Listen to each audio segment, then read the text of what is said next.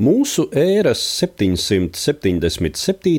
gadā pie Franku imperatora Kārļa Lielā viņa rezidencē Paderbornā ieradās sūtņi no Barcelonas musulmaņu vietvalža Suleimāna al-Arābī.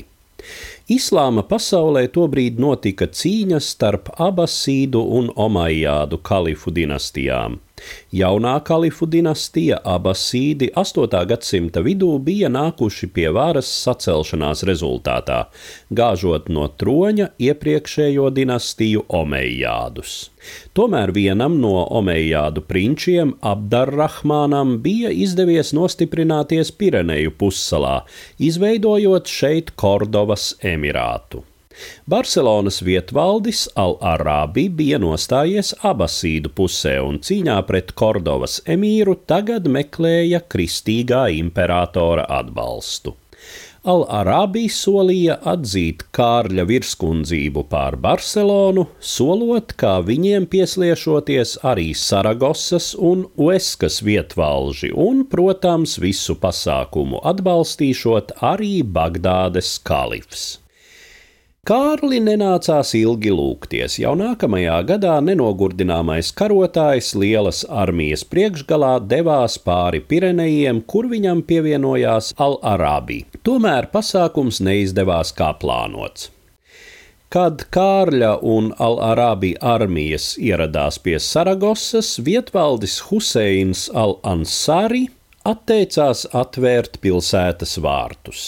Pēc mēnesi ilga aplenkuma, kura laikā noskaidrojās, ka arī solītie papildspēki no kalifa visticamāk nepienāks, Kārlis ar savu armiju devās atpakaļ pāri Pirenejiem. Diezgan ticami, ka Saragosas vietvaldim izdevās atpirkties no varanā Franka ar pamatīgu daudzumu zelta. Kārļa mājupceļš veda cauri pusneatkarīgajai Vaskonijas hercogu valstī, kuras vārds cēlies no šo kalnaino apvidu iedzīvotājiem, franku sauktiem par vaskoņiem, kuru pēcnācējus mēs šodien pazīstam kā baskus. Vaskonijas hercogi centās turēties pretī gan musulmaņu kalifu, gan franku karaļu pakļaušanas centieniem, tāpēc Kārlis pavēlēja savai armijai sagraut hercogu valsts galvaspilsētas Pamplonas nocietinājumus, bet pēc dažu avotu ziņām vispār ļāva nopostīt visu Basku galvaspilsētu. Un nav nekāds brīnums, ka Franki saņēma karavīgo basku atbildes triecienu. Uzbrukums notika Pirenejos Ronsevālas aizā 778. gada 15. augusta vakarā.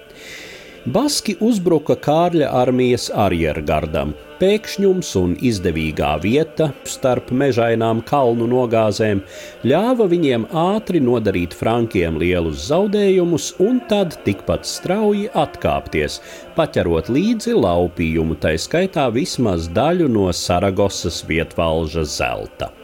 Franki bija iespējams sava laika izcilākie karotāji, tomēr baski savos kalnos bija kā mājās, pie tam sabiedrotajos viņiem bija nakts tumsa.